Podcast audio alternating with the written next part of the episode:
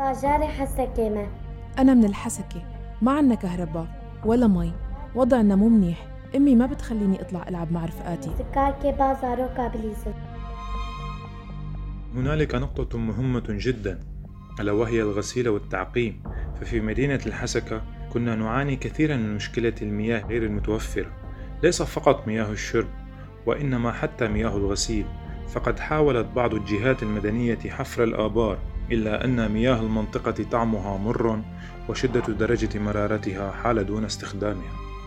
أزري ناس بلدي حسك أنا من الحسكة. ما عنا كهرباء ولا مي.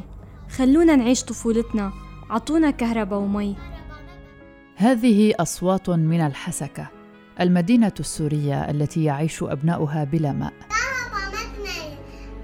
ما عنا كهرباء ومي. أمنا ما بتخلينا نطلع نلعب مع الأطفال. السبب الأساسي يعود إلى إيقاف محطة علوك في الثالث عشر من آب أغسطس الجاري. وهذه ليست المرة الأولى التي يتم فيها قطع المياه عن الحسكة فقد تكرر انقطاع مياه الشرب عنها مرات عدة لكن المرة الأخيرة التي نتحدث عنها طالت مدتها.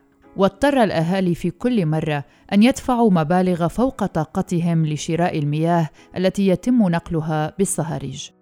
تتغذى الحسكة وبعض أريافها بشكل أساسي من محطة مياه تضم ثلاثين بئراً في نقطة علوك في ريف منطقة رأس العين وهي تستثمر منذ عام 2013 وتستمد الطاقة اللازمة لعملها من الكهرباء التي تستجر بدورها من المحطة الكهرومائية على سد تشرين التابع لمحافظة حلب على بعد 90 كيلومتر. روسيا تشرف وتسيطر على سد تشرين التابع لمحافظة حلب وهو الذي يزود الكهرباء لرأس العين.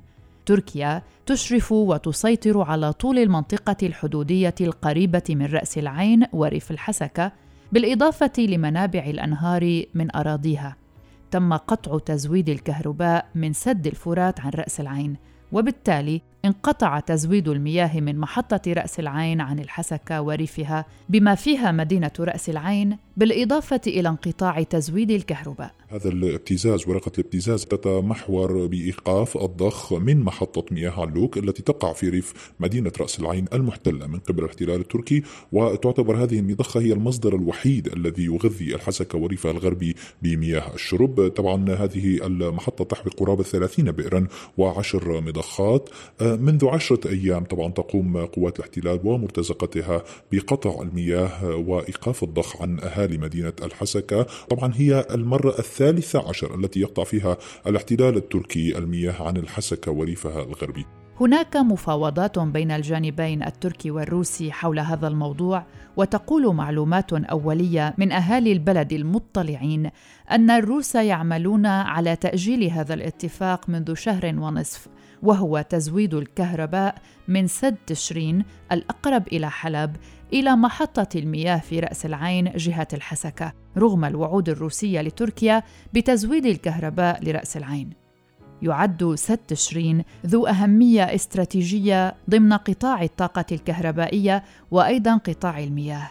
وهو مصدر مهم وأساسي بالإضافة للماء لتزويد الطاقة الكهربائية في محافظة حلب. آه، اليوم المزاودات وأيضا الرهان بين الكهرباء والمياه هي ورقه ضغط آه، جديدة تستعملها قوات الاحتلال التركي في محافظة الحسكة، إن شاء الله اليوم آه، دعوات الأهالي هي والمناشدات الدولية بتحييد محطة آبار علوك عن النزاع السياسي والعسكري في المنطقة لتجنب كارثة إنسانية في ظل انتشار جائحة كورونا في المحافظة. والعالم بشكل عام محطة علوك التي تقع شرق رأس العين تشكل المصدر الوحيد للمياه لحوالي مليون شخص بمن فيهم سكان مخيمات الهول، العريشة ومخيم وشوكاني. استمر انقطاع المياه عن الحسكة لأكثر من 23 يوماً بعد إعلان الإدارة الذاتية دخول مشروع محطة الحمى البديلة الخدمة أمس. إلا أن عدم قدرة المحطة الجديدة على تلبية احتياجات هؤلاء السكان بشكل كامل يعني استحالة الاستغناء عن محطة علوك. السلام عليكم. أنا أم يوسف من محافظة الحسكة. بدي أحكي لكم عن مشكلة المي صرنا أكثر من عشرين يوم ما عنا مي للشرب عم ندور هون وندور هون ما في حتى للبيع كمان ما في. عم نغسل بالمي المالحة عم نغسل تياب عم نشطف عم نجلي. وما عنا ولا نقطة مي للشرب تصوروا محافظة كاملة بأكثر ما فيها نقطة مي. هاي بالنسبة للمي أما بالنسبة للدواء عم ندور من صيدلية لصيدلية حتى نلاقي علبة دواء ويا دوب بزور نلاقي. وإذا نلاقي كمان السعر رح يكون دبل أو ثلاث أضعاف السعر الحقيقي. طيب وين الإنسانية؟ مدينة تتوسط نهري دجلة والفرات ويمر منها نهر الخابور وتعاني العطش منذ أكثر من ثلاثة أسابيع في هذا الصيف الحارق. ويعاني سكانها البالغ عددهم أكثر من مليون نسمة بالإضافة إلى آلاف النازحين القاطنين فيها والفارين من تركيا وفصائلها المسلحة يعانون من العطش. كل هذا في ظل انتشار جائحة كورونا وحاجة السكان إلى المياه للتنظيف والتعقيم. مرحبا نظيمة جوارة أجبار جاري حسكيمة شخو أزنا خوشيا كورونا كتبو وكيل سبيك متشال خضر مرحبا. أنا دجوار من مدينة الحسكة أصبت بفيروس كورونا. في البداية عرفت أنني مصاب عندما شعرت بالخمول والثقل في جسمي. ووجع في الرأس وارتفاع حرارة الجسم بشكل يختلف عن أعراض الرشح أو الجريب المعتاد إنما أقوى نوعا ما. في الثلاثة أيام الأولى تواصلت مع الهلال الأحمر وبعد الفحص تبين فعلا أنني مصاب. فحجرت على نفسي والتزمت ألا أخالط الناس. أكثرت من السوائل وفيتامين سي والمسكنات ولكن أريد أن أنوه إلى أن هذا الفيروس يهاجم مكان الضعف في الجسم فأنا كنت أعاني من التهاب القصبات سابقا وآلام في الظهر لذا كان كامل الوجع يتركز في هاتين المنطقتين. وبعد أسبوع تغيرت الأعراض وخف الألم ولكن بقيت حاسة الذوق والشم لليوم العاشر ولم أشعر بهما. ولكن هنالك نقطة مهمة جدا. ألا وهي الغسيل والتعقيم. ففي مدينة الحسكة كنا نعاني كثيرا من مشكلة المياه غير المتوفرة. ليس فقط مياه الشرب وإنما حتى مياه الغسيل. فقد حاولت بعض الجهات المدنية حفر الآبار إلا أن مياه المنطقة طعمها مر وشدة درجة مرارتها حال دون استخدامها. وبعد مفاوضات وصلت المياه إلى الحسكة عبر مشروع عنفات حمى لكن تشغيل هذه العنفات كما ذكرنا وكما قال لنا الأهالي لم يزد عن 10% من مقدراتها. الحديث اليوم آه، عن بعض الحلول البديلة. غزارة البئر الواحد من الآبار الستة التي يتحدثون عنها وهي مناهل دعينا نقول وليست آبار هي 15 متر مكعب بالساعة. بينما غزارة البئر الواحد في محطة علوك هي 200 متر مكعب في الساعة. إذا لا بديل عن مياه علوك الوضع الناجم عن هذه الجريمة لا يحتمل ولا سيما في ظل المناخ الحار وخطر انتشار جائحة كورونا. وعليه حصلنا على عدة أصوات من الأهالي الذين أصيبوا بفيروس كورونا. نافي مزوزانة جبو جاري حسكيمة طبعا جبو فيروس كورونا أم أم جيوك باجاري حسكي أنا زوزان من مدينة الحسكة. انتشر فيروس كورونا في المدينة وأصابني وما زلت مصابة لكن ليس كما يشاع عنه لأن المخاوف منه أكبر وهذا يؤثر على الحالة النفسية التي تلعب دورا كبيرا.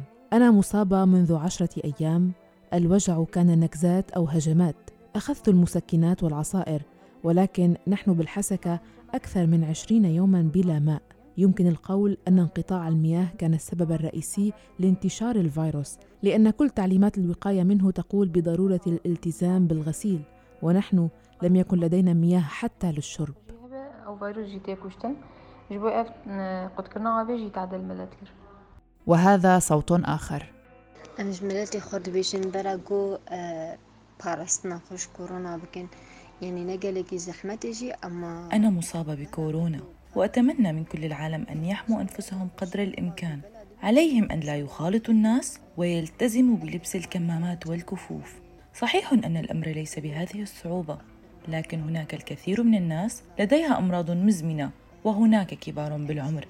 لذلك التزم في بيتك لتحمي نفسك وتحمي كبارك. يكون خوشي وعم بري هبي يعني آه يعني احتمال بيبنوشي وسنستمع أيضا إلى أبو آلان. از بابي علان حسكيمة أز أذكر شخص كورونا نكتمه بس يعني لك الناس أبو ألان من الحسكة يقول أنه لم يصب بكورونا ولا يعرف الكثير من المصابين ويخبرنا أن السبب الرئيسي لانتشار كورونا بشكل كبير هو انقطاع مياه علوك من رأس العين عن المدينة واللي سببها الدولة التركية. يقول أيضا أن الكثير من الناس أجبروا على حفر الآبار والتي كانت تكلف أكثر من 300 دولار في هذه الظروف الصعبة والغلاء الفاحش حتى ينقذوا أهلهم وأنفسهم. لكن مياه الحسكة مالحة ودرجة المرارة فيها عالية جدا لا تصلح للشرب ولا للغسل. ولذلك كانوا يضطرون إلى شراء المياه إذا لم تصلهم صهاريج المياه المجانية. يضيف أيضا أبو ألان أنه منذ السنة الماضية في الشهر العاشر وبعد احتلال تركيا لرأس العين وهم يعانون من أزمة المياه وهو يعيش على أمل لأنهم وعدوهم أن يحفروا آبار في منطقة حما وعددها عشرة آبار من أصل عشرين بئر وبذلك يقول بأن المياه سوف تصلهم دون انقطاع. أحلام من الحسكة.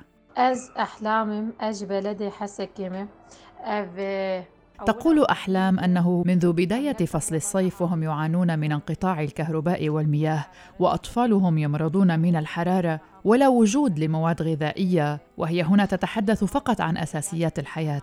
وتؤكد أحلام أنها لا يهمها إلا أطفالها فهي تعيش في ظروف صعبة جدا. حياتها ما قال لك صعبة؟ حالي من لتبة نهده صار حرب وبسردجي هذه السيدة الكبيرة في العمر تقول كيف سيكون حالهم بعد عشر سنين من الحرب وفوق كل ذلك أبسط مقومات الحياة أي المياه هم محرومون منها يعني حرب وفقر ومرض ثم تشكي من هذا الكورونا والذي إذا مرض أحدهم به ما بيسترجي يأخذ ولاده على المشفى.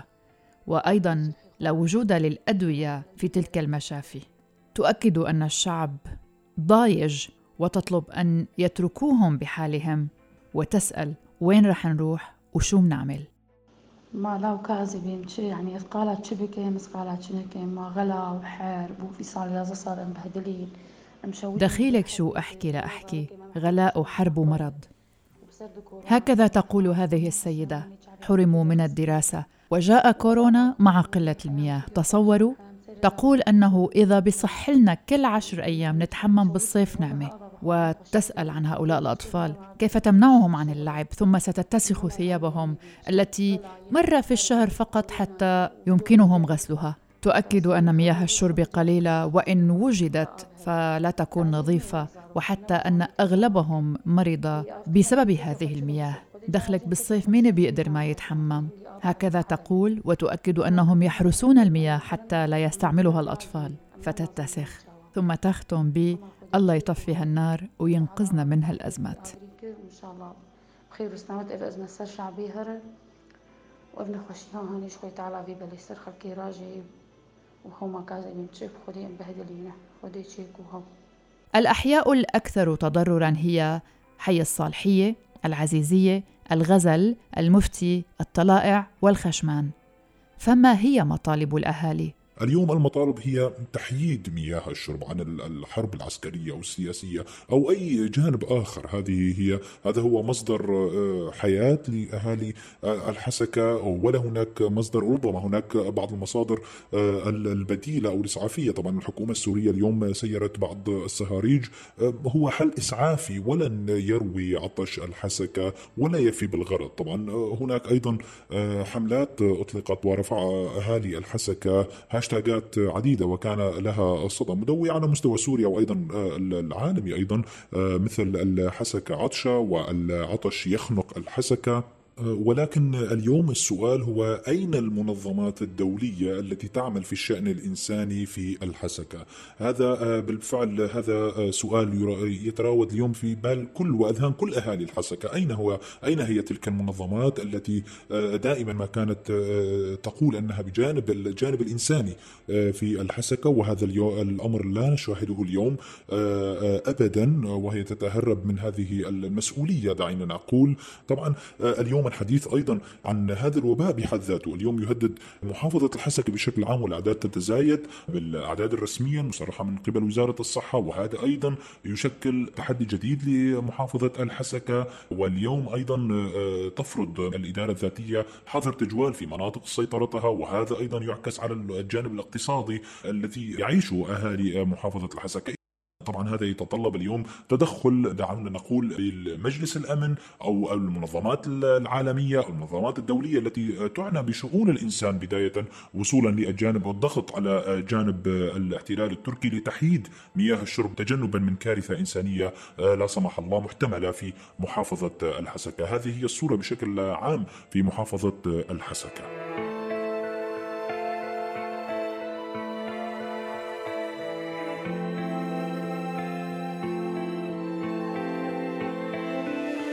هيلين عثمان صاحبة تجمع على الفيسبوك أو كما نقول عنه جروب اسمه جميلات روج آفا يضم عددا كبيرا من السيدات يعملن في الخدمة الاجتماعية ومساعدة الأهالي.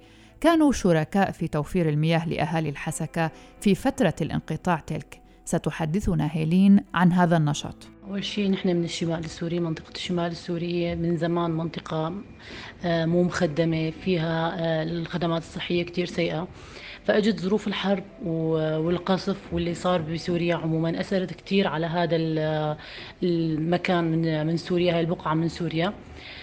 بصراحة من وقت انتشار كورونا والعالم آه، خايفة كتير لأنه انتشار المرض رح يكون كارثة إنسانية بسبب فقر المنطقة بسبب الإمكانات القليلة هون.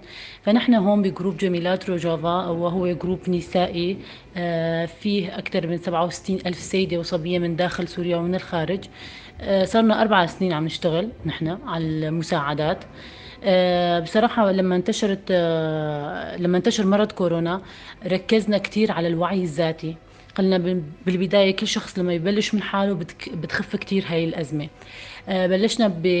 لما انتشر المرض بالدول المجاورة بلشنا بتوزيع المعقمات الماسكات. بعدها انتقلنا لمرحلة الحظر. مرحلة الحظر كانت هي الأصعب طبعا بالنسبة لكثير من العوائل والأهالي. اللي بيعانوا كثير من من الفقر آه، اعتمادهم على اليومية على العمل اليومي. خصصنا نحن بجروب جميلات رجاء سلات غذائية لهدول العوائل. آه، بعدها آه، رجع فك الحظر رجعنا عملنا حول حملات توعية خصوصي بأيام العيد. كنا نوزع للأطفال عيديات بالونات كلها مغلفة ببروشورات كلها مغلفة بطرق الوقاية من المرض. كانت توعوية بحتة. بعد كمان ما طبق الحظر آه، عملنا ثلاث حملات كانت لتوزيع المبالغ المادية الكاش كمان للأهالي اللي وضعهم المادي سيء اللي ما عندهم معين كمان وزعنا مبالغ مادية.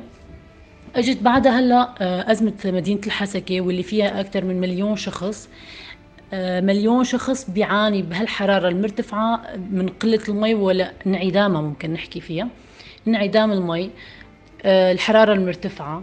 انتشار المرض اللي المرض أساس يعني أساسه بيطلب منك نظافة ومي وشغل.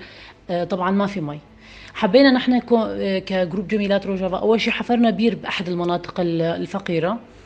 آه، صرنا يومين بلشنا بمبادرة جديدة توزيع مياه الشرب مياه البقين الشرب. غطينا أكثر من 100 عائلة والمبادرة مستمرة. إن شاء الله بالأيام الجاية حاطين بالنا نغطي أكثر من 300 400 عائلة بمدينة الحسكة.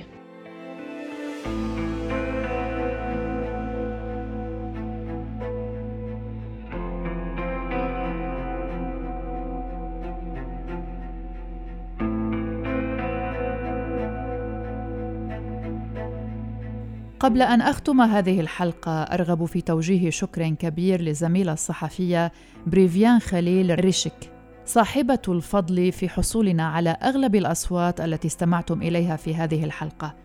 وهناك المزيد من الأصوات ستستمعون إليها تباعا من خلال راديو الآن وعبر وسائل التواصل الاجتماعي الخاصة بنا. حلقة اليوم انتهت. شكرا لكم لحسن الاستماع.